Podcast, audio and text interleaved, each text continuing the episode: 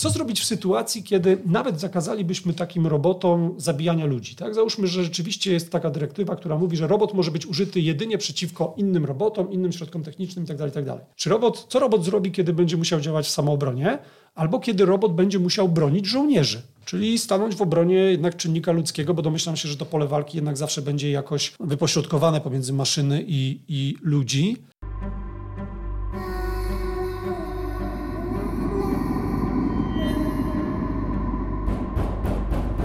Nazywam się Michał Larek, a to jest mój kryminalny podcast Zabójcze opowieści, opowieści, opowieści, opowieści.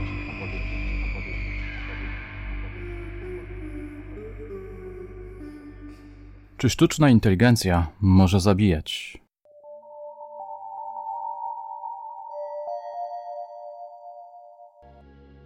To dr Mariusz Szynkiewicz, poznański naukowiec, który zajmuje się filozofią techniki, w tym techniki militarnej. Pewnego razu podsunął mi artykuł opublikowany na łamach The Guardian, który zaczynał się następująco. Siły powietrzne USA zaprzeczyły, że przeprowadziły symulację sztucznej inteligencji, podczas której dron postanowił zabić swojego operatora, aby uniemożliwić mu zakłócanie jego wysiłków na rzecz osiągnięcia misji.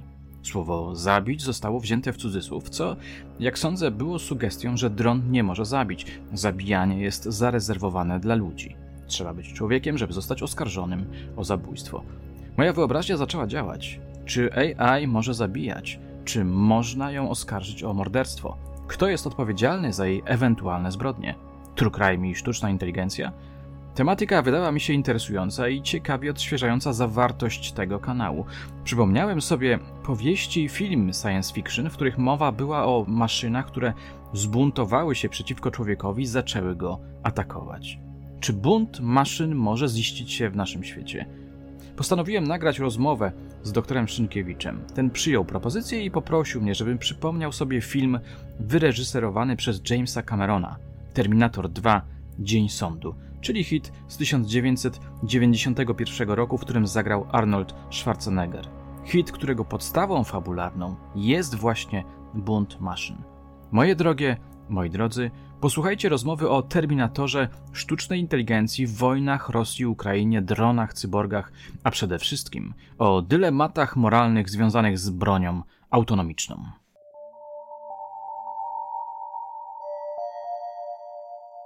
Ten artykuł był mocno komentowany i dosyć głośny w przestrzeni medialnej. Na ten moment właściwie mamy tylko to dementi e, Departamentu Obrony. Jak było naprawdę? No, pewnie dowiemy się za 5-10 lat, bo tego typu rzeczy no ukryte są zawsze w czymś, co się określa mianem mgły wojny.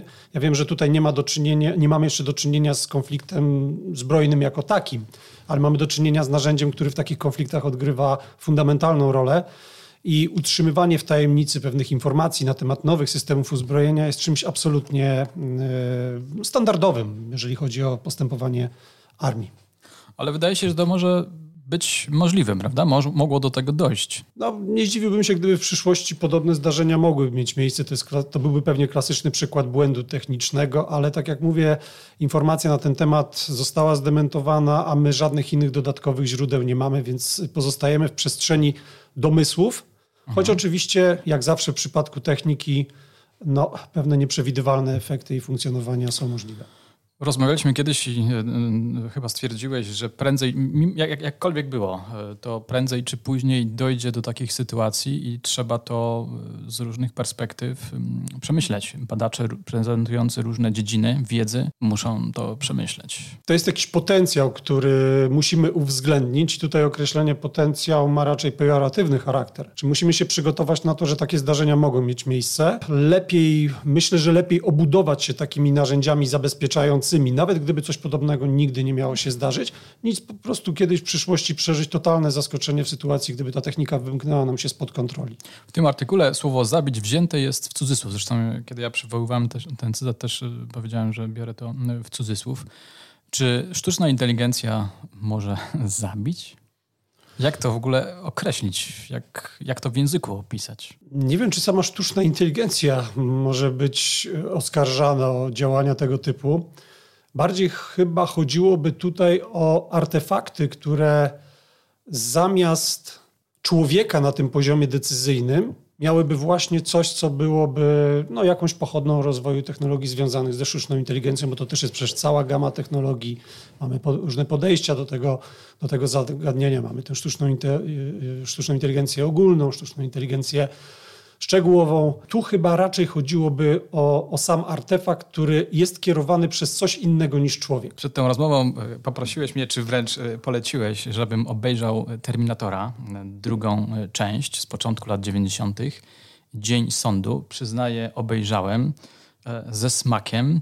Chciałem zapytać, dlaczego to polecenie odrobienia takiego zadania domowego? No ja sobie zdaję sprawę z tego, że z perspektywy naukowca rozpoczynanie dyskusji o nowoczesnej technice od popularnego filmu, to może nie jest najlepsze rozwiązanie, ale ja to zrobiłem z takich względów czysto osobistych. Po pierwsze, dlatego, że moja fascynacja techniką zaczęła się, szczerze mówiąc, chyba od tego filmu. Aha, ciekawe. Po drugie, ten wątek, który w Terminatorze w dwójce jest mocno eksplorowany, a film jest chyba z 92 roku, ja go pamiętam gdzieś tam z jakiegoś swojego bardzo wczesnego okresu rozwoju intelektualnego, on właśnie teraz dla nas filozofów staje się niezwykle istotny. Nie chodziło mi tutaj absolutnie o to, żeby merytorycznie z tego filmu wyciągać jakieś kwestie, które warto byłoby potem naukowo rozwijać. Bardziej chodziło mi o pokazanie pewnej wizji, która e, gdzieś w przybliżeniu we współczesnej technice wojskowej ewidentnie się pojawia i to w sposób, który dla nas filozofów jest również bardzo interesujący. Pewnie nie wszyscy nasi słuchacze, szczególnie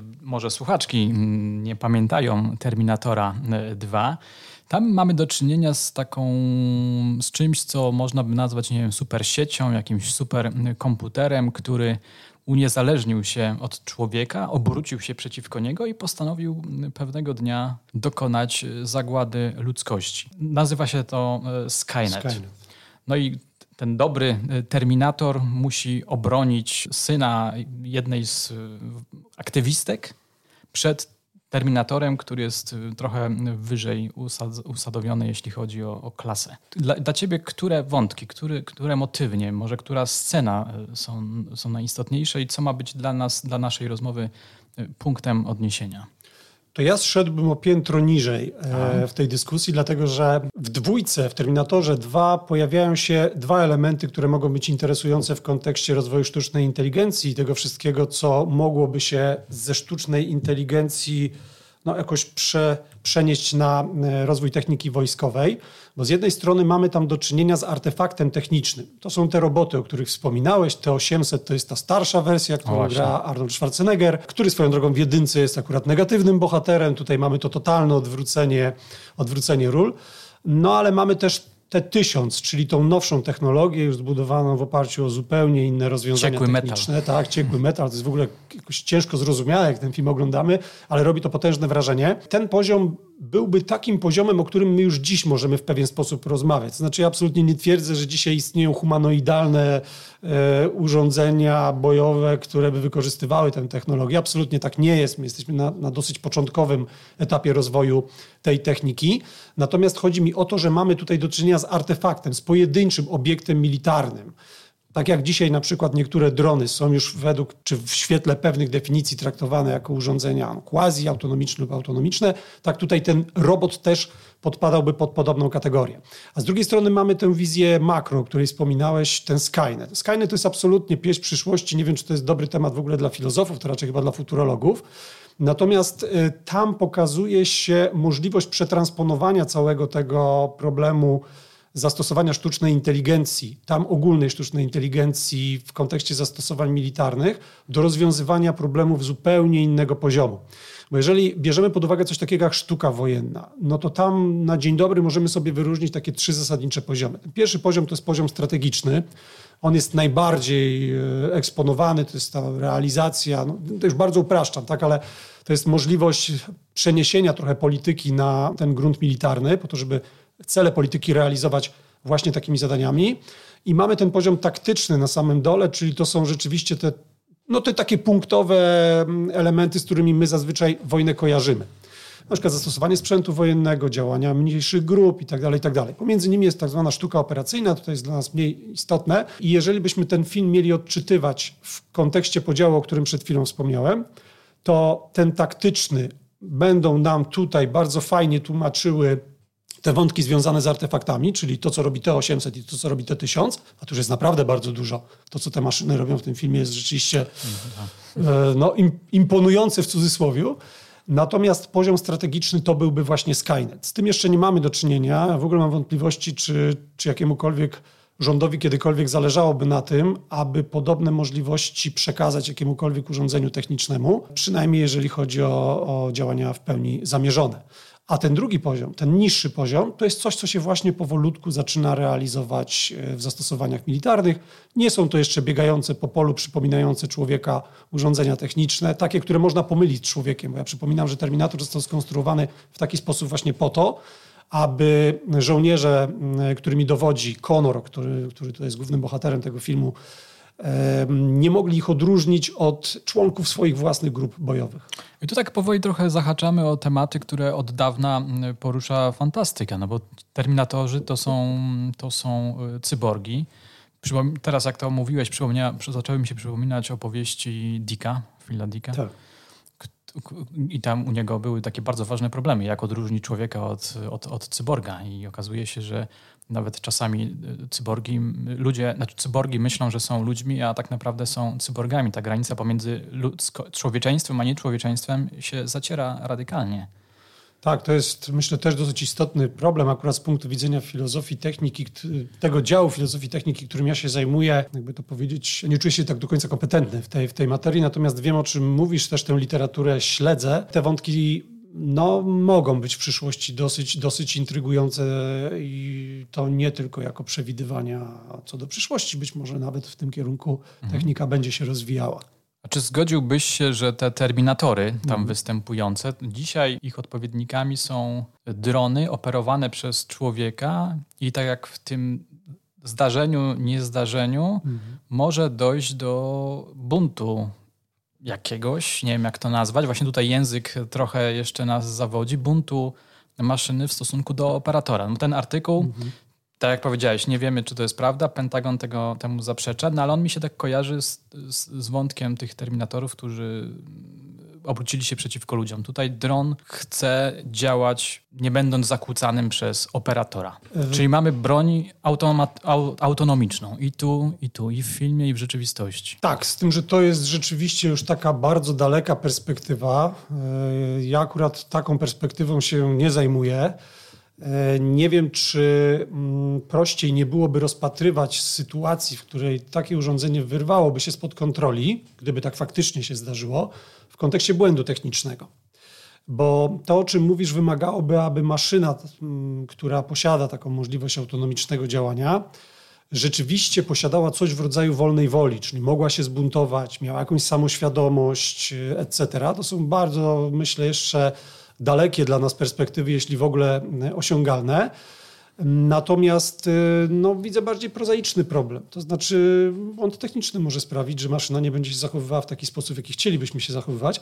Zwłaszcza, że ta autonomia zakłada już na dzień dobry pewną niezależność maszyny względem człowieka, z uwagi na to, że dochodzimy do granicy, w przypadku takiej granicy naszych możliwości kognitywnych, poznawczych. To znaczy, my tworzymy te urządzenia właśnie po to, żeby one robiły coś, czego my nie umiemy zrobić, albo raczej robiły to szybciej niż my to robimy. A czy nie jest tak, że broń może nie posiadając własnej woli, ale posiadając wpisany cel, stwierdzić, że osiągnie cel lepiej, efektywniej, szybciej niż słuchaj, sama, niż słuchając się tych poleceń? Myślę, że to będzie uzależnione od tego, jaki poziom kontroli zastosujemy w przypadku danego urządzenia technicznego. E, jest wiele różnych poziomów autonomii w technice. No pierwsza rzecz to jest w ogóle konieczność odróżnienia tego, co jest automatyczne od tego, co jest autonomiczne. No właśnie, to może powiedzmy, czym jest broń autonomiczna, która odgrywa, będzie pewnie odgrywać coraz większą rolę.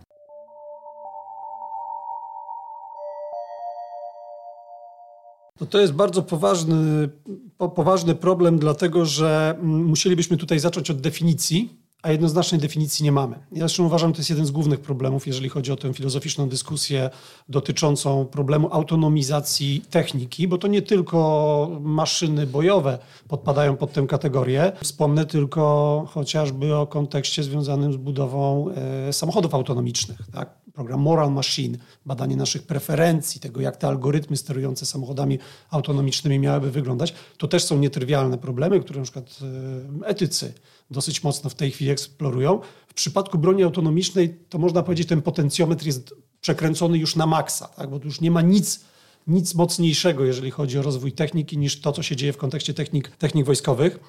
I teraz te definicje są bardzo różne i one są różne także dlatego, że mm, próba stworzenia takiego jednego wspólnego wyznacznika, który mówiłby X jest bronią autonomiczną, Y jeszcze nią nie jest, wymagałaby pewnego uzgodnienia także na poziomie międzynarodowym, ogólnoświatowym. Kłopot polega na tym, że różne kraje różnie sobie definiują te, te poziomy autonomii. Są takie takie kalki definicyjne, według których właściwie wystarczy, aby urządzenie w sposób niezależny od człowieka było w stanie wyzwolić śmiercionośną siłę. Tutaj powołuje się niemal wprost na cytat z pewnego filozofa techniki, który się tymi kwestiami zajmuje, ale są też definicje dużo bardziej wymagające, takie, które nie tylko mm, widzą w maszynie autonomicznej ten podmiot, który potrafi wyzwolić bez decyzji człowieka taką siłę, która będzie dla człowieka niebezpieczna, czy w ogóle będzie mogła mieć zastosowanie militarne, ale to też urządzenie, które będzie musiało się po pierwsze uczyć,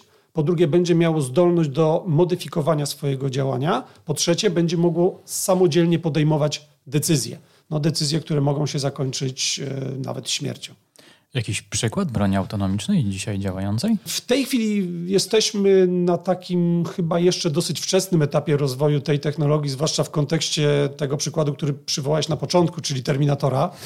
Natomiast bez wątpienia mamy już urządzenia, które spełniają takie quasi warunki. Według niektórych tych, tych bardziej liberalnych definicji e, no chociażby niektóre typy, czy część typów amunicji krążącej, tak zwanych warmate'ów, podpadałaby pod tę kategorię. Tak? Bo kiedy taki dron, powiedzmy, krąży sobie w swojej własnej strefie, ona się zresztą dosyć specyficznie nazywa, to się nazywa killbox, e, jest odpowiednio za, mm, zakodowana, tak wie jakiego typu cele po ich rozpoznaniu powinna zwalczać. Kiedy ona ten cel znajduje, to podejmuje określone działanie bojowe.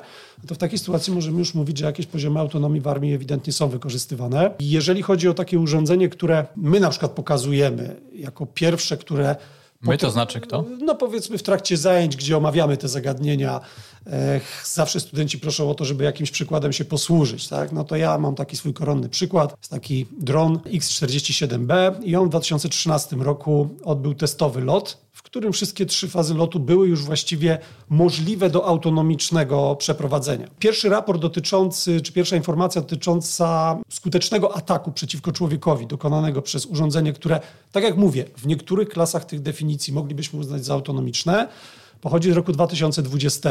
I to już jest rzeczywiście informacja potwierdzona, to był dron, który się nazywał Cargo 2 i z tego co pamiętam, to działanie miało miejsce na terenie Libii. Co tam się wydarzyło? Możesz Może to takiego więcej? drona do likwidacji czy do, do, do zaatakowania mm, no, jednej ze stron konfliktu, który tam się cały czas toczy od czasów obalenia Muamara Kaddafiego. Ta wojna przecież się nigdy nie skończyła. Mhm.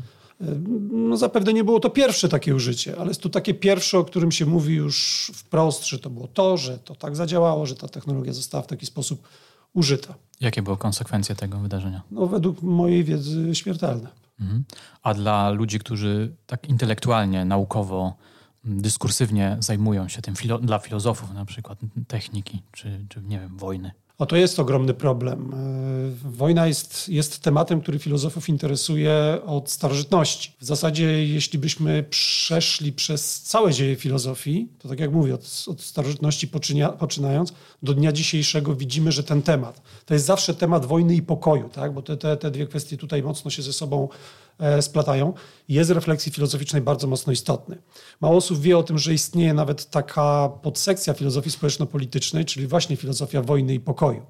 O tych kwestiach no, pisali chociażby stoicy.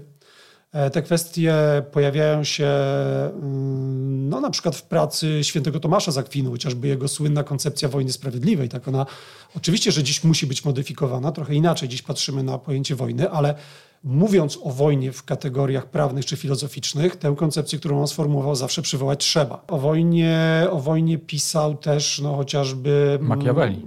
Tak, no zdecydowanie. To w ogóle był chyba jeden z leitmotivów całej jego twórczości. Dużo wspominał o tym Kant, cała jego koncepcja pokoju przecież y, tutaj mocno się na tych zagadnieniach ogniskuje. Pojawia się to w filozofii Karola Marksa nawet, choć w zupełnie innym ujęciu. A współcześnie, no jeżeli spojrzymy na taką nowoczesną filozofię społeczno-polityczną, nowoczesna to myślę lata 90., 2000 i epokę współczesną, to mamy to zarówno w koncepcji końca historii e, Francisa Fukuyamy. Ten wątek przecież jest jednym z silników napędowych całej, całej koncepcji zderzenia cywilizacji Samuela Huntingtona.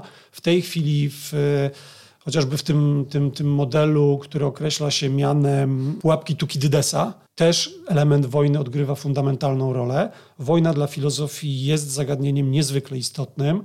To jest fenomen, który, czy też zjawisko, które musimy rozpatrywać w kategoriach kulturowych, społecznych, etycznych, ale też na przykład technicznych. To jest właśnie ta, ta kwestia, mnie, która mnie mocno interesuje. Poza tym... To może tutaj właśnie zatrzymam mhm. ciebie i, i zapytam, co dla filozofów wojny albo zajmujących się wojną mogło oznaczać tamto wydarzenie e, z Libii? Myślę, że miało ono, ono, jakieś przełomowe e, znaczenie. No tak jak mówię, cały czas gdzieś tam nas prześladuje demon tych miękkich definicji, tego, że tak naprawdę nie mamy tego jednoznacznego rozgraniczenia, od którego momentu, czy inaczej, ogólnie przyjętego rozgraniczenia, bo tutaj różne, różne e, stanowiska, różne osoby, różne instytucje przyjmują jednak jakieś definicje, ale my chcielibyśmy jednak wypracować jakiś wspólny model. To będzie bardzo ciężkie, jeśli to w ogóle będzie możliwe.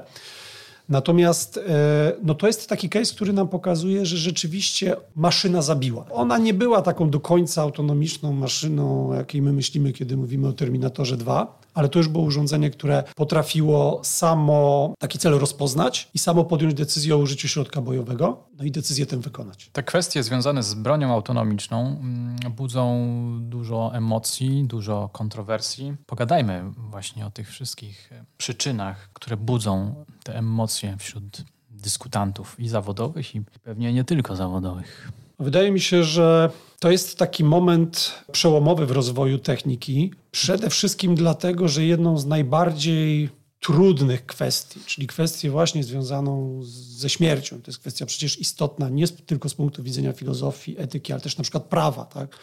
Wydaje mi się chyba każdej dziedziny, która w jakiś sposób się do tego zagadnienia mm, odnosi. W sumie mowa o zabijaniu. Mm, no tak, bo ta no, broń ofensywna no, służy do, Zabijania. do, do, do, do, takich działań, czy tam powiedzmy niekoniecznie zawsze chodzi o to, żeby, żeby zlikwidować przeciwnika w sposób fizyczny, żeby zabić tego przeciwnika, no, ale chociażby do tego miałaby służyć, aby zdezaktywować jego siły. E, żeby zlikwidować jego armię, tam jego urządzenia techniczne, którymi on się może posługiwać. No a de facto, jak to zazwyczaj z bronią bywa, pewnie będzie to się po prostu kończyło śmiercią osób, które, które na polu walki będą się pojawiały. Czyli pojawiają się problemy etyczne, moralne. No bez wątpienia. Prawne, etyczne, tak, jak najbardziej. E, Porozmawiajmy trochę o tych problemach. Ja może zacytuję mhm. fragment z chyba New York Timesa. Maszyny pobierają duże ilości danych, po czym generują własne wnioski. To mówi generał Dale White, który w Pentagonie odpowiada za nowy program zakupów, ale właśnie to budzi obawy związane z wykorzystaniem AI w armii.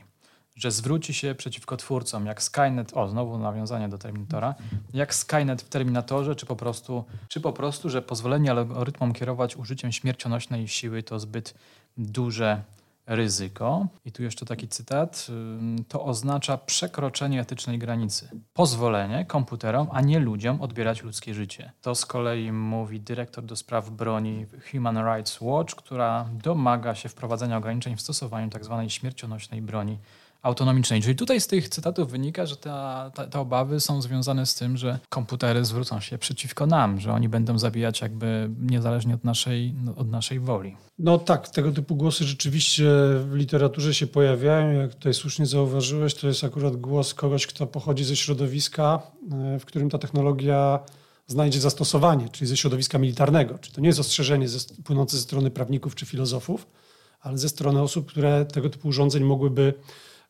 używać. E, nieprzewidywalność tej broni to jest, myślę, poważny argument, który się tutaj e, pojawia. Ja nie wiem, czy takie proste zestawienie z bronią biologiczną jest tutaj na miejscu, ale to chyba trochę mogłoby przypominać takie kwestie. To znaczy, jeżeli ta broń faktycznie ma reagować w sposób aktywny na wpływy środowiskowe, a nie wiemy przecież, w jakim środowisku będzie się uczyć i modyfikować, to trochę tracimy nad nią kontrolę w takim sensie. Z drugiej strony ona jest właśnie po to konstruowana, żeby nasze jakieś ograniczenia, nasze słabości e, móc e, niwelować. Ja tylko chciałem przypomnieć, że mm, jakby sam koncept broni autonomicznej, przynajmniej tej nowoczesnej broni autonomicznej, tutaj myślę gdzieś o, o takich koncepcjach od lat 70. XX wieku, on, mm, gdybyśmy próbowali określić, z jakiego powodu w ogóle jest rozwijany, tak? dlaczego ta technika nas nagle zainteresowała, może nie nagle, ale nas zainteresowała, e, no to w dużej mierze schodzi tutaj o to, żeby poradzić sobie z takimi problemami, mm, e, takimi ograniczeniami, które dotyczą naszej ludzkiej decyzyjności. Czyli e, chodzi tutaj między innymi o to, aby skutecznie realizować coś, co się w technice wojskowej określa mianem pętli Boyda. Boyd to był taki amerykański pilot, który potem zajął się badaniami teoretycznymi nad armią i on pokazał, że na poziomie działania broni czy w ogóle armii istnieją takie cztery zasadnicze mm, elementy. Ten pierwszy moment y, no to jest moment obserwacji, tak? czyli żołnierz musi dokonać obserwacji terenu. Następnie on musi to w jakiś sposób y, przeanalizować. Czyli musi wbić to, co widział w model, którym, model poznawczy, którym on się posługuje. Musi te informacje przetrawić i na podstawie tych informacji podjąć decyzję. To jest trzeci element tej całej pętli. A czwarty, czwarty element to jest oczywiście sam akt. Czyli no, na przykład decyzja o tym, że używamy broni. No i teraz proszę sobie wyobrazić żołnierza na polu walki. Tak? Jeżeli on ma wykonać wszystkie te cztery elementy, to no, tutaj są potrzebne jakieś interwały czasowe autonomiczna będzie pod tym względem po prostu zdecydowanie szybsza. I to mhm. widzimy chociażby w kontekście zastosowania mm, autonomicznych lub quasi-autonomicznych, znów wracamy do tych kwestii definicyjnych, defensywnych systemów y, broni. Tutaj jako przykład mogę podać system Żelazna Kopuła, który broni nieba nad Izraelem, czy na przykład takie systemy aktywnej obrony pancernej, jak chociażby Trophy, który jest instalowany na czołgach zachodnich. To są systemy, które są w stanie bardzo szybko zorientować się, że na przykład w stronę czołgu zbliża się jakiś pocisk i w czasie, w którym pewnie człowiek nie poradziłby sobie nawet z rozpoznaniem takiej decyzji, podjęciem, podjęciem odpowiednich działań, jeszcze trafieniem przeciwpociskiem w ten pocisk, uruchomić, e, uruchomić ochronę e, obiektu. Najczęściej na przykład w przypadku systemu Trophy to jest jakiś czołg. No i to działa. Czyli po prostu broń jest skuteczniejsza. Jest skuteczniejsza. O tak, wiele. Tak. No, po to jest tworzona. Tak? Z mhm. jakiegoś powodu te urządzenia są rozwijane. Jakie jeszcze mm, wątpliwości etyczne pojawiają się?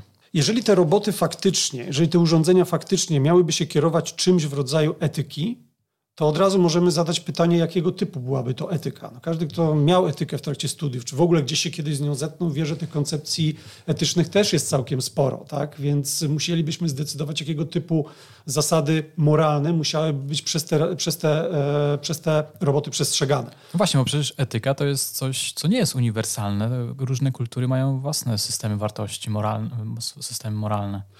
No, czasami to nawet sytuacyjnie można próbować e, rozstrzygać. Tutaj myślę, że dylemat mostka i zwrotnicy, który nam pokazuje, że w pierwszej sytuacji, mm, tam już nie będę wchodził w te szczegóły, ale w, e, kiedy pokazujemy, jak działa dylemat mostka i zwrotnicy, to choć pod względem matematycznym obie te sytuacje są identyczne, to jednak w pierwszym przypadku zazwyczaj ludzie podejmują inną decyzję niż w drugim przypadku. Dlaczego to robimy? Właśnie dlatego, że potrafimy też e, sądzić inaczej niż tylko racjo, e, no powiedzmy takimi matematycznymi, przeliczeniowymi przesłankami. I to też się tłumaczy w kontekście dwóch różnych doktryn filozoficznych, które faktycznie, czy też etycznych, które faktycznie tutaj się pojawiają jako taki element, do którego możemy się odwołać, kiedy musimy zdecydować i w pierwszym przypadku przestawić lub nie zwrotnicę, a w drugim przypadku albo zrzucić z tego, z tego przysłowiowego mostka mm, osobę, albo nie. Tak się zastanawiam nad kwestią odpowiedzialności. Jeśli broń jest autonomiczna, no to kto odpowiada za działania, za błędy w działaniach, za katastrofy ewentualne? Może przecież też dojść do jakiejś masakry, ludobójstwa, zagłady? Czy to jest w ogóle jeden chyba z najmocniej eksponowanych, jakby jedna z najmocniej eksponowanych przesłanek etycznych, która jest e, stosowana przez, czy używana przez przeciwników autonomizacji pola walki. E, rzeczywiście chodzi tu do, do, dochodzi tutaj do sytuacji rozmycia odpowiedzialności etycznej. Bo mm, co to znaczy zaimplementować jakąś nową technologię na polu walki? To ktoś ją musiał wymyśleć. Ktoś w ogóle musiał podjąć decyzję o tym, że idziemy w tym kierunku. Ktoś musiał zdecydować, że będziemy to finansować. Ktoś, kiedy taka broń, załóżmy, już się pojawi, tak? czy taka technologia już się pojawi, podejmie decyzję o tym, że ona zostaje wprowadzona do, do użytku armijnego. Potem pojedynczy dowódca mówi, używamy tego właśnie w trakcie tej akcji, którą teraz projektujemy.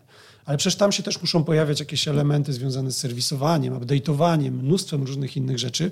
Pojawia się też możliwość zhakowania takiego urządzenia. Tak? No, oczywiście im bardziej ono będzie autonomiczne, tym mniejsza jest możliwość hakowania. No ale jeśli mamy te miękkie definicje i takie quasi-autonomiczne systemy, tego też się możemy troszeczkę e, obawiać. I to rozmycie etyczne faktycznie tutaj może się pojawiać. Jest taki filozof amerykański, on się nazywał, mm, nazywa Sparrow i on mówi wprost, że mm, e, takie urządzenie, które miałoby poziom autonomii już nietrywialny, taki, który faktycznie moglibyśmy wskazać jako taki różnicujący, ten, oddzielający ten rodzaj broni od jakichś wcześniej stosowanych e, e, rozwiązań, to mógłby być za na przykład masakrę, o której mówisz, odpowiedzialny pod względem sprawczym. No bo on to zrobił. Ale czy może być odpowiedzialny pod względem moralnym? Tak samo jak na przykład możemy zadać pytanie, czy zwierzę jest odpowiedzialne za to, co, co zrobiło, nie wiem, pod wpływem jakichś swoich instynktów. Oczywiście, że tu nie mamy instynktów. Ta sytuacja nie jest tak zero-jedynkowa, znaczy inaczej, nie jest tak łatwo porównywalna, e, no bo jednak instynkty są gdzieś tam jakoś dziedziczone, są tworzone środowiskowo, ewolucyjnie. Tu jednak coś, coś tworzymy, no ale z drugiej strony to nie jest całkowicie zaprogramowane urządzenie od początku do końca. Ten algorytm nie jest deterministyczny. On się musi uczyć. A więc to, roz, to, to rozmycie odpowiedzialności jak najbardziej tutaj się pojawia. E, z tego, co widzę, w tej chwili idzie się raczej w kierunku poszerzenia pola, pola, czy jakby poszerzenia zbioru osób odpowiedzialnych za ewentualne negatywne skutki funkcjonowania takiego urządzenia. Mhm. Niedawno w kinach był film Christophera Nolana o Oppenheimerze. Tak.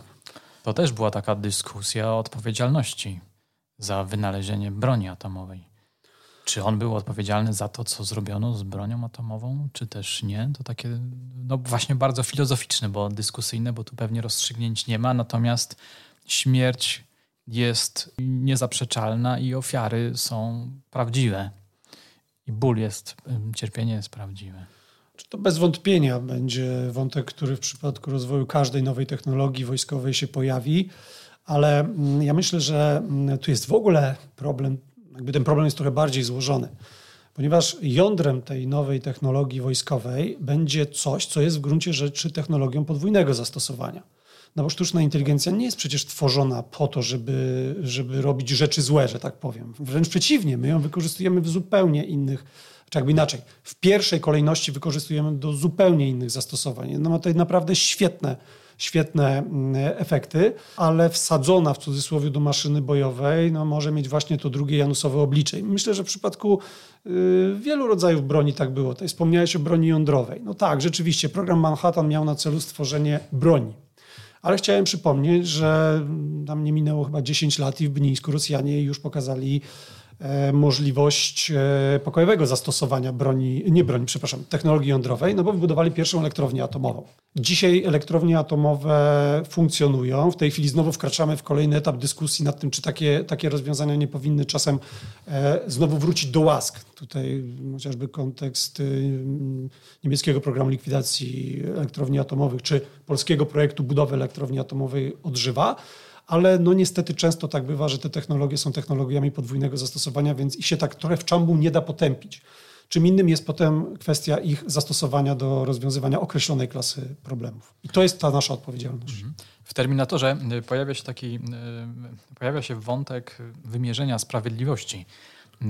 Jedna z głównych, czy główna bohaterka razem ze swoją ekipą, czyli synem i Terminatorem, jadą do pracownika firmy Cyberdyne i Chcę go, za... znaczy ona jedzie sama, ci ją ścigają i, i przeciw, przeciwstawiają się. I ona chce zabić pracownika Cyberdyne, który no, będzie w przyszłości odpowiedzialny za stworzenie Skynetu. No tak. Tam... I ona, no i tutaj jakby to jest amerykański, popularny film, więc dość łatwo uporać się z problemem, trzeba zniszczyć zło. W tym filmie, choć tam akurat ten, ten związek przyczynowo-skutkowy jest bardzo skomplikowany, bo, bo, to, no. pojawia się to, o czym mówiłeś, czyli to takie, to powiedzieć, podróżowanie pomiędzy pewnymi, pewnymi interwałami czasowymi i, i, to jest, i to jest problematyczne. ale mm, ona, mm, ona właściwie próbuje zaradzić powstaniu tej technologii. Ona jest tak oskarżycielsko dość klarowna. Jakby tak, wie... ona jest zero-jedynkowa. Tak. Ona jest zero-jedynkowa. Powinniście to przewidzieć. Tak. Że ze Skynetu powstanie taka broń. Tak, tak. I dlatego jesteście złymi ludźmi. Tak, no nie, akurat ta refleksja tam chyba nie jest widoczna, to działanie jest bardziej emocjonalne, no ale też prawda jest taka, że z innej perspektywy bez wątpienia ten inżynier oceniał e, swoją pracę, on to widział, jak się tworzy teraz, nie wiedząc, co będzie w przyszłości. Natomiast ona posiadała wiedzę na temat zjawisk przyszłych niedokonanych. No tak. e, więc ona miała tutaj totalną przewagę, porównywanie motywacji tej dwójki jest absolutnie tutaj jakby nieuzasadnione, przynajmniej do momentu, kiedy ona mu nie opowiedziała o tym, co się zdarzyło. Bo proszę zwrócić uwagę na to, że kiedy, kiedy konstruktor Właściwie nawet nie można być konstruktor, bo tam zastosowano technologię odwrotnej inżynierii, czyli on miał urządzenie, którego nie rozumiał, rozebrał to urządzenie na kawałki, przeanalizował jego funkcjonowanie i na tej bazie otworzył całą technologię. Bo w przyszłości on ją stworzył. Tak, właściwie no, to, jest, to jest pytanie, czy on ją stworzył i ona tam zadziałała, czy czy ona po prostu przyszła do niego, to, to, jakby, to jest też ważne. No tu się zapętliło to wszystko. Zdecydowanie. To jest filozoficznie chyba bardziej dla ontologów do, do, do, do rozszyfrowania niż dla Ale powiedzmy, że tak techniki. prostym językiem i opierając się na fabule było tak, że w przyszłości on był konstruktorem tej, e, tej broni. Tak. Ta broń znalazła się w przeszłości. Tak. I dzięki temu w przeszłości można było przeciw... spróbować. spróbować przeciwdziałać powstaniu tej broni w przyszłości. Tak, tak. No to jest taki specyficzny paradoks. Który... Kto nie oglądał, to może się teraz zagubił. Przepraszamy. Odsyłam też tutaj do paradoksów, które w filozofii są czasami e, rozważane, chociażby paradoks e, wnuczka i dziadka. E, no tak. Więc tam te kwestie też trochę nawiązują do całej tej narracji, o której tutaj wspomniałeś. E, ale tak, ona próbuje ten problem rozwiązać zero-jedynkowo. To znaczy, jeżeli nie, nie, do, nie pozwolę na powstanie tej technologii, no to nie zdarzy się to wszystko, co zaowocowało działaniami, dzięki którym w ogóle musieliśmy potem podejmować tak drastyczne działania. Chciałbym jeszcze y, zagadnąć o to, co się dzisiaj w ogóle dzieje y, z wojną y, współcześnie pod wpływem rozwoju technologii. W naszych notatkach pojawia się ten, ten problem, co taki filozof jak ty, czyli filozof e, techniki, technologii, filozof e, wojny, e, widzi i o czym może nam ważnym powiedzieć. No mamy tutaj wojnę w Ukrainie na przykład.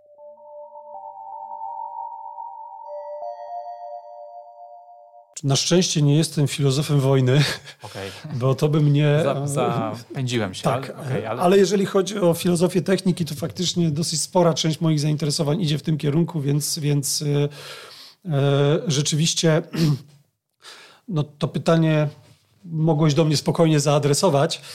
E, więc powiem tak. E, może przywołam taki fakt. W roku 2018 jeden z dyrektorów, a nawet chyba dyrektor główny chińskiego koncernu Norinco, Zeng Yi, w trakcie jednej z konferencji wygłosił taką, postawił taką tezę, że na przyszłych polach bitwy nie będziemy już widzieli walczących ludzi. I to była ewidentna zapowiedź bardzo mocnej eskalacji, jeżeli chodzi o ten projekt rozbudowy autonomicznych środków bojowych. Bo to faktycznie może byłoby dobre rozwiązanie, gdyby się okazało, że my tak jak dzisiaj mamy pojęcie wojen zastępczych, które stosujemy do sytuacji, w której, kiedy na, na przykład takiej sytuacji, w której jedno mocarstwo, aby walczyć z drugim mocarstwem, generuje konflikt na innym zupełnie terenie, Gdyby stworzyć coś, co byłoby bardzo podobne, to znaczy konflikty między ludźmi rozstrzygać na poziomie walki między maszynami. Problem polega na tym, że to jest chyba dosyć idealistyczne założenie i prędzej czy później i tak ludzie staną się pewnie ofiarami takiego, takiego konfliktu. No, chyba, żebyśmy, nie wiem, przyjęli sobie na, jak za dobrą monetę pierwsze dwa prawa Asimowa, to są te słynne prawa dotyczące robotów. To pierwsze prawo, to tylko przypomnę, mówiło, że robot nie może zranić człowieka ani poprzez działanie bezpośrednie, zranić, zabić, ani poprzez zaniechanie. Drugie prawo mówiło, że robot musi być posłuszny działaniom, y, decyzjom człowieka, o ile to nie przeczy prawu pierwszemu. No to powiedzmy, że to myślenie, o którym tutaj przed chwilą mówiłem, czyli ta, ta dyrektywa Zengai podpadała pod te dwie kategorie, ale to jest dosyć naiwne sformułowanie. Raczej tak nie będzie. Nawet jeżeli przeniesiemy większość ciężaru konfliktów zbrojnych na urządzenia techniczne, to i tak ofiarami bezpośrednimi lub pośrednimi zawsze będą, będą ludzie. I ewidentnie my widzimy w rozwoju nowoczesnej armii e, taką tendencję do tego, aby, aby, ją, aby te środki bojowe autonomizować. I ja tutaj muszę powiedzieć, że to nie jest absolutnie nic nowego. E, przede wszystkim dlatego, że istnieje coś takiego jak kultury obronne. I mam wrażenie, że to, co się dzieje w kontekście autonomizacji pola walki, bardzo dużo czerpie z kultury obronnej Zachodu. Nawet jeśli to jest przenoszone na inne kultury, tak jakby sam ten, ten motywator pojawia się w kontekście tego, w jaki sposób my postrzegaliśmy wojnę. E, I tam mamy takie trzy zasadnicze czynniki. Znaczy, zazwyczaj wyróżnia się dwa. Ja wiem, że jakbyście Państwo dotarli do literatury, to pewnie znajdziecie dwa punkty, ale ten jeden, moim zdaniem, powinien być jeszcze bardziej rozbudowany. Po pierwsze, na Zachodzie robimy wszystko, aby wojny w coraz mniejszym stopniu obciążały człowieka, żeby coraz mniej osób, coraz mniej ludzi ginęło na polu walki. Teraz pytanie, jak to zrobić? No najprościej po prostu ograniczyć konflikty zbrojne. No ale człowiek jest człowiekiem, my akurat w ekspresji naszych zachowań agresywnych jesteśmy niesamowicie kreatywni i mamy ogromną tendencję do tego, żeby, żeby ze sobą walczyć. No, takim chyba jesteśmy po prostu gatunkiem. A więc trzeba to okupić jakimś kosztem. Skoro ma, ma ginąć mniej ludzi, a konflikty nadal będą toczone, no to w takim razie musimy mieć po prostu bardziej do, do, doskonałą, dokładną broń. I dlatego technicyzuje się pole walki. To jest z kolei związane z kosztochłonnością, czyli w momencie, kiedy my próbujemy jakby człowieka z tego pola walki wyprowadzić, a jednocześnie sama wojna jest nadal tak po klausewicowsku rozumiana jako, jako ten moment, w którym zawodzą, czy jakby już nie są skuteczne narzędzia polityczne, te, które my tradycyjnie sobie gdzieś tam aplikujemy. No więc włączamy to ostatnie działanie o charakterze politycznym, czyli środki militarne, no bo Clausewitz mniej więcej tak postrzegał wojnę. Nie? Czy to, dla niego to po prostu przedłużenie polityki i wykorzystanie okay. jakiegoś mhm. innego zupełnie, zupełnie środka.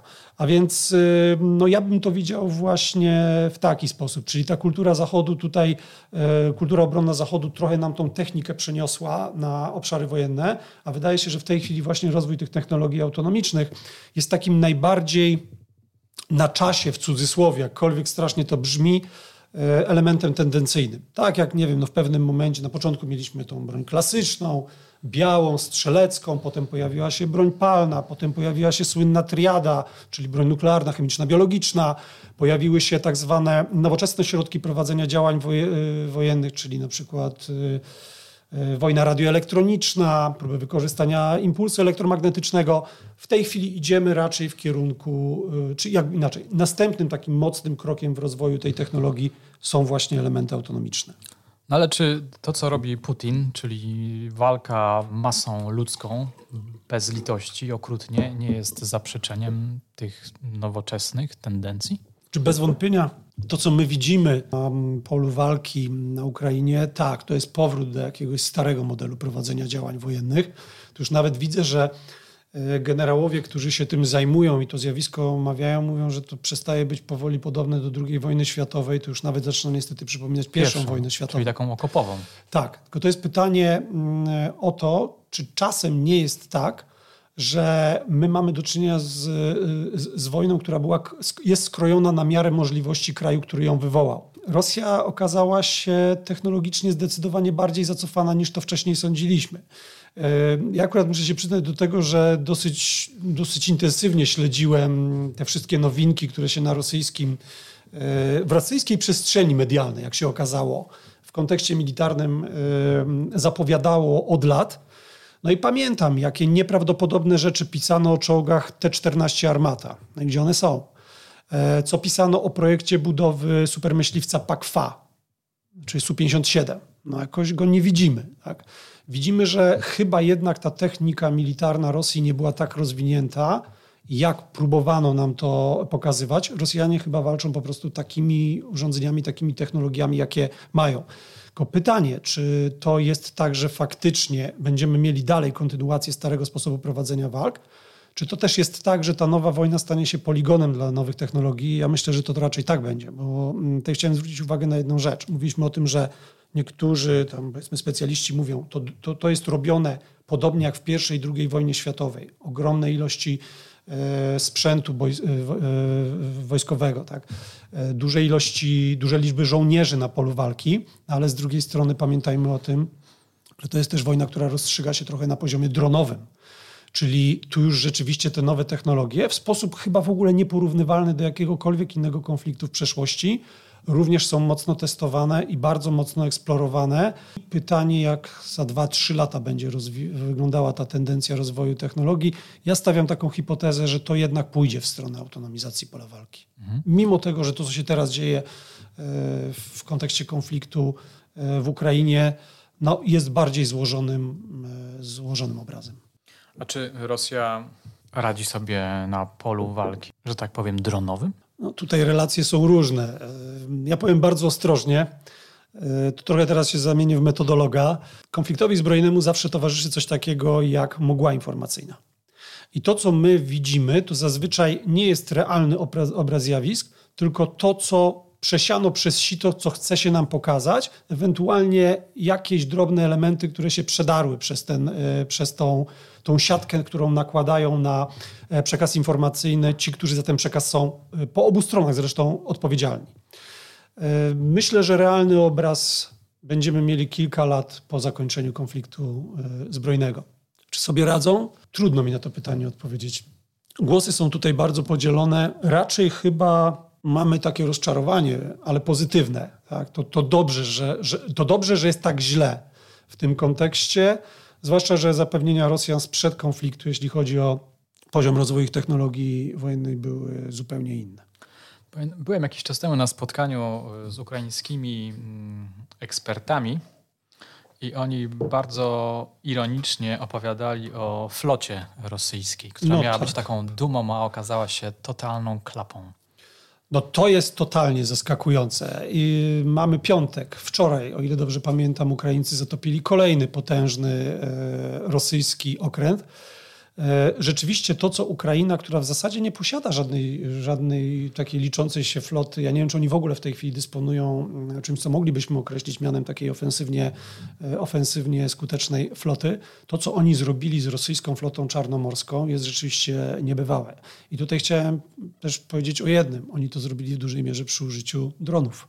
O ile pamiętam, ten okręt, który wczoraj został zatopiony, też został zatopiony przy pomocy drona e, morskiego. Pamiętajmy, że taki dron jego koszt w porównaniu do kosztu okrętu wojennego jest żaden. O ile pamiętam, okręt zatopiony wczoraj kosztował około, czy wart był około 70 e, milionów dolarów? Chyba tak. Mhm. Co wojna w Ukrainie zmienia, jeśli chodzi o sztukę prowadzenia wojny? Myślę, że na to pytanie też nie jestem w stanie odpowiedzieć. Po pierwsze, dlatego, że mnie interesują bardziej te artefakty, e, które są stosowane na polu walki.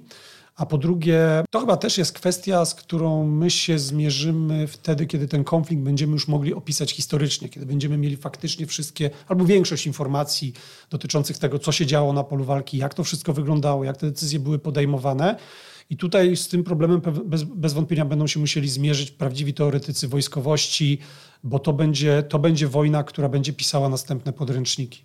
Czy nie jest tak, że kolejnym takim ważnym wydarzeniem o charakterze militarnym jest napad Hamasu na Izrael?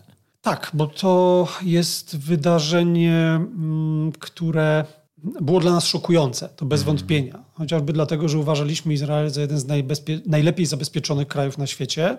Swoją drogą, no, ich uzbrojenie jest naprawdę dobre. Na przykład to, co, to, co mówiono o nieskuteczności żelaznej kopuły, jest niezrozumieniem tego, w jaki sposób ten, ta technologia została zaatakowana. Tak? Więc to, Możesz to wyjaśnić, bo pewnie nie, nie wszyscy wiedzą, o co chodzi. No, żelazna kopuła, jeden system żelaznej kopuły to jest, o ile dobrze pamiętam, 20 przeciwpocisków. Więc w momencie, gdy ktoś próbuje atakować nagle, na przykład setką czy dwoma setkami tych pocisków, to nie ma możliwości, aby ta jedno, jedna salwa była w stanie wszystko zestrzelić. Tak? Więc tutaj chodzi bardziej, nie, mam takie wrażenie, nie tyle o jakość, co o skalę, o ilość. Tu po prostu zastosowano nowe rozwiązanie takie pod względem trochę ilościowym, dostosowane do tego, w jaki sposób e, można byłoby te systemy próbować, e, próbować atakować. One są skuteczne i to są bardzo skuteczne, tylko że tutaj rzeczywiście zastosowano jakieś rozwiązanie, którego się chyba nie do końca strona zaatakowana spodziewała.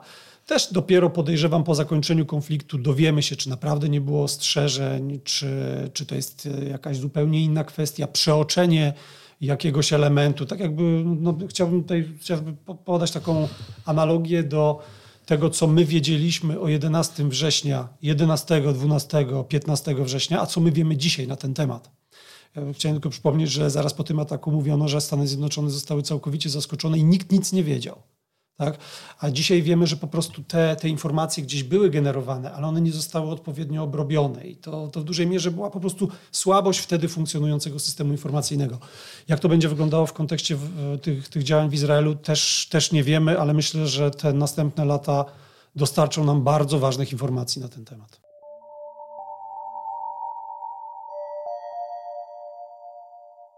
Dzisiaj rano sobie jeszcze szukałem różnych informacji albo jakichś opowieści na, na nasz temat i znalazłem taki artykulik zatytułowany Amerykanie próbowali stworzyć system na wzór Skynet. I autorka tego tekstu, powołując się na portal Zmiany na Ziemi, mówi, że w Stanach Zjednoczonych w połowie lat 80. i jeszcze na początku lat 90. prowadzono zaawansowane badania nad rozwojem sztucznej inteligencji. I to miało być takie właśnie, mm, to miało być takie działania inspirowane trochę Terminatorem albo zbieżne z tym, co się dzieje w Terminatorze. To myślę, że bardziej musiały być zbieżne, bo ile pamiętam, pierwsza część Terminatora to jest rok 84. Ta dwójka, która jest chyba tak najciekawsza z naszej perspektywy, 92.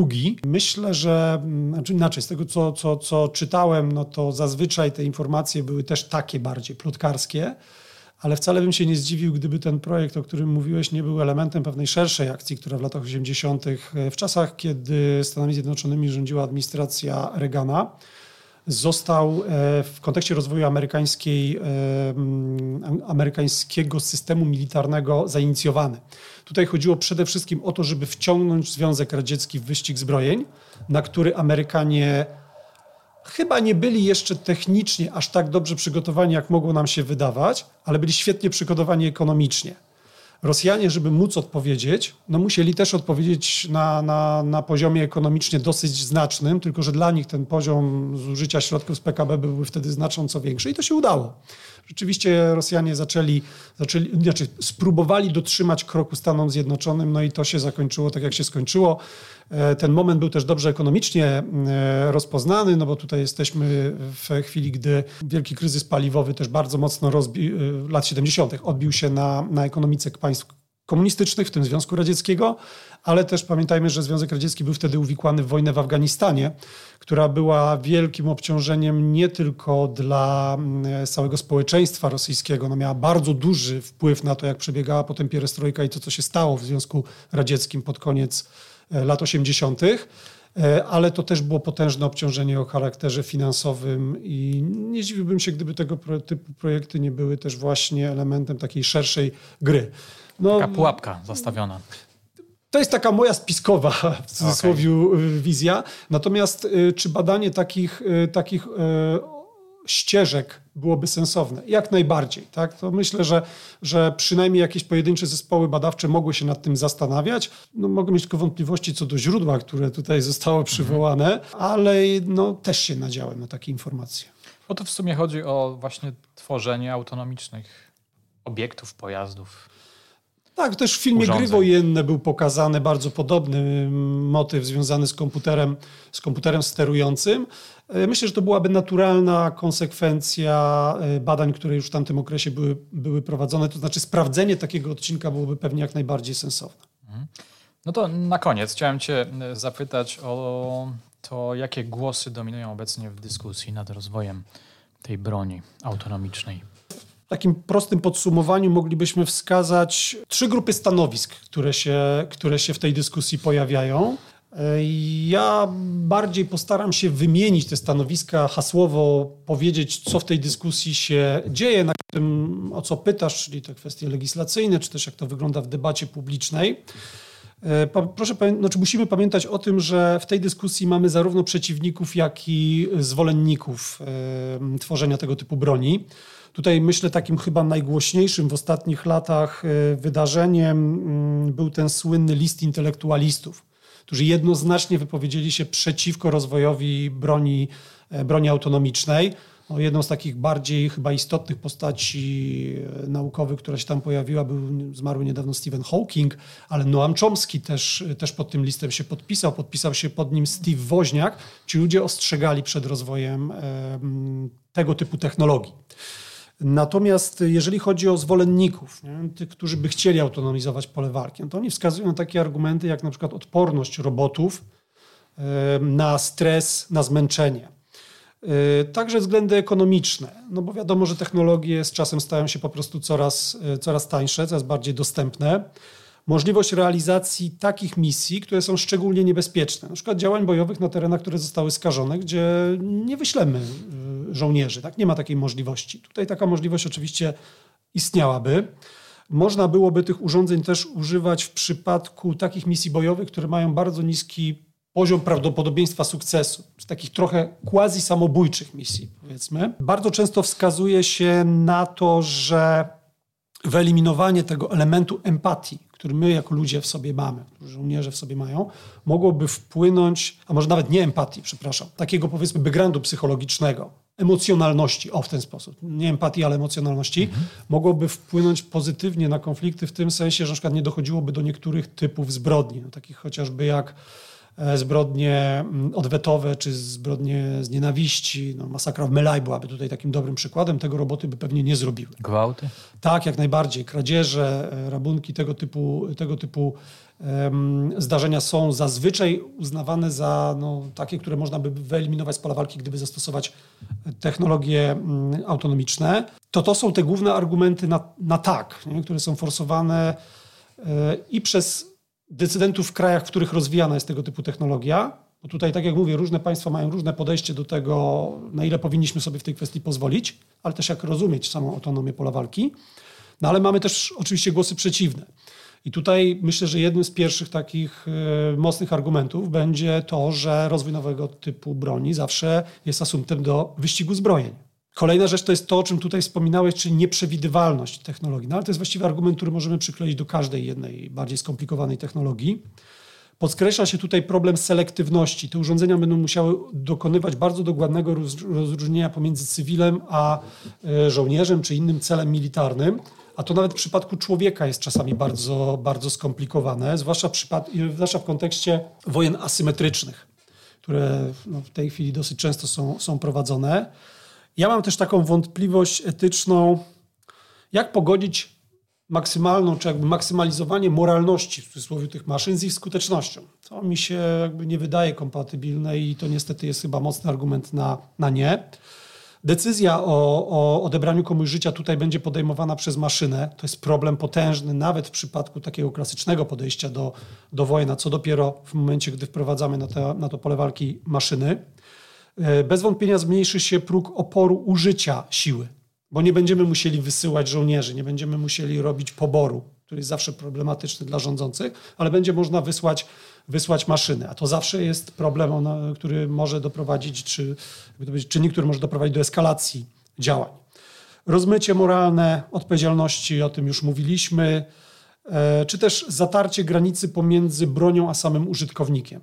Tutaj ono jest ewidentne tak? No, nikt w przeszłości nie skazałby karabinu za to, że doszło do jakiejś zbrodni, a tutaj jak odróżnić jedno od drugiego? No to się właściwie staje jednym, to jest topione. No i do tego dochodzą jeszcze takie argumenty, takie pytania, które mogliby zadać yy, filozofowie, prawnicy, etycy, ci wszyscy, którzy, którzy będą próbowali poza technicznymi widzieć w tym wszystkim również inne, takie bardziej humanistyczne, dalekosiężne konsekwencje. Dla mnie problemem jest już kwestia braku tej precyzyjnej definicji. Ta dyskusja musi wrócić do poziomu budowy jednej klarownej definicji. Czy to jest możliwe? Ja tego nie wiem, ale wtedy będziemy mogli całą tę dyskusję sobie ustalić, ustawić. Druga rzecz to jest e, pewne nadużycie semantyczne, bo kiedy zwolennicy autonomizacji pola walki mówią o tym, że te maszyny będą etyczne, to, to jest pytanie, czy one będą etyczne w tym sensie, że się będą zachowywać, zgodnie z jakąś przez nas wbudowaną etyką, a wtedy znowu pytanie, ale jaką, którą, kto o tym zadecyduje, czy one po prostu rzeczywiście będą agentami etycznymi. No, to jest akurat mało, mało chyba w tym momencie możliwe. E, to się też wiąże z takim kolejnym pochodnym już problemem, czy w ogóle jest możliwa algorytmizacja zasad etycznych. Przecież to musi być wprowadzone do, do maszyny jakimś kodem, jakimś systemem. Chciałem przypomnieć, że nawet praski golem był programowany, tak? No, kiedy był uruchamiany, to uruchamiano go tą, tą karteczką z napisem emet, czyli prawda, ale zatrzymanie golema to było starcie pierwszej litery E i wtedy emet zamieniał się na met, czyli śmierć i wtedy maszyna przestała funkcjonować. Nawet tam się pojawił jakiś pseudoalgorytm. Jak zalgorytmizować y, decyzje etyczne, nie mam zielonego pojęcia. Co zrobić w sytuacji, kiedy nawet zakazalibyśmy takim robotom zabijania ludzi? Tak? Załóżmy, że rzeczywiście jest taka dyrektywa, która mówi, że robot może być użyty jedynie przeciwko innym robotom, innym środkom technicznym itd. Tak itd. Tak Czy robot, co robot zrobi, kiedy będzie musiał działać w samoobronie? Albo kiedy robot będzie musiał bronić żołnierzy? Czyli stanąć w obronie jednak czynnika ludzkiego, bo domyślam się, że to pole walki jednak zawsze będzie jakoś wypośrodkowane pomiędzy maszyny i, i ludzi. Co więcej, jeżeli będziemy mieli, mówiłeś tutaj o tym Skynecie i załóżmy, że te maszyny faktycznie gdzieś w przyszłości podejmowałyby decyzje sztabowe, no to dzisiaj mówi się o tym, że czasami mogłyby być to łańcuchy takiej decyzji, czyli różne urządzenia rozpatrują jakąś sytuację, a co jeśli się pojawi sprzeczność pomiędzy decyzjami wydanymi przez poszczególne urządzenia? Kto to będzie rozstrzygał? Jakby jaki będzie ten meta poziom? No i to ostatnie, najważniejsze pytanie to jest chyba w ogóle pytanie o to, mm, jaki, jakie granice powinna mieć, e, powinien mieć program autonomizacji e, techniki, czy w ogóle artefaktów technicznych, które, które na przykład mogą być zastosowane w tak skrajnych przypadkach, jakim e, są przypadki czy sytuacje wojenne. Ty masz jakąś swoją własną wizję, jakieś swoje własne stanowisko? To jeśli pytasz mnie o to, czego bym chciał, to odpowiem jak idealista stoję po stronie zdecydowanych przeciwników rozwoju tego typu technologii. Ale wiesz, że nie jest możliwy. Tak. Za, możliwe, nie jest możliwe zatrzymanie rozwoju. Myślę, że to nie jest możliwe i tutaj odrobimy chyba raczej taką lekcję, jaką odrabialiśmy w przypadku rozwoju technologii jądrowej. Kraje będą ze sobą konkurować. To znaczy będą chciały posiadać technikę na tym samym poziomie rozwoju, to będzie klasyczny przykład wyścigu zbrojeń. Ja się zawsze w przypadku wyścigu zbrojeń obawiam jednej rzeczy, że jeśli się tworzy jakąś broń, no to zazwyczaj po to, żeby jej użyć, że w przypadku broni atomowej e, ten straszak e, zadziałał. W przypadku broni biologicznej też od konwencji z 1972 roku, no tutaj mamy sytuację dosyć dobrze wyklarowaną. E, jedyny, jedna różnica, jaką tutaj widzę, taka różnica, która też może być dla mnie niepokojąca, jest taka, że w przypadku rozwoju arsenału jądrowego to to jest proces bardzo czasochłonny, i strasznie drogi. Natomiast to, co my robimy w kontekście autonomizacji pola walki, biorąc też pod uwagę to takie rozmycie, czyli to, o czym mówię, ta definicja nie jest precyzyjna, no nie jest już tak drogie. Te technologie są dużo łatwiej dostępne właściwie każdemu. Więc równie... Czyli to może innym, innym, inną drogą pójść. Tę broń mogą mieć zarówno Stany Zjednoczone, jak i Polska, jak i Korea Północna. W zasadzie ta technologia może być łatwo dostępna niemal dla każdego uczestnika tego militarnego wyścigu. To ostatnie pytanie na wyobraźnię. Co byś podpowiedział twórcom kolejnej odsłony filmów o Terminatorze? Co powinno według ciebie by się znaleźć? Strasznie bym chciał, żeby nie było już potrzeby tworzenia takich wizji, ale to zbyt idealistyczne e, założenie.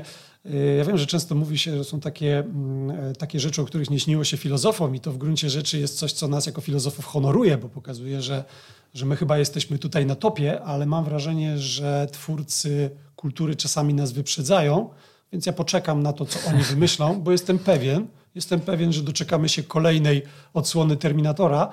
Mam tylko nadzieję, że to będzie bardziej podobne w sensie spójności scenariusza, jak w przypadku dwójki czy jedynki, niż tych późniejszych części filmu, które też się niestety pojawiły. Nie oglądałem ich. Dziękuję za Dzięki. rozmowę.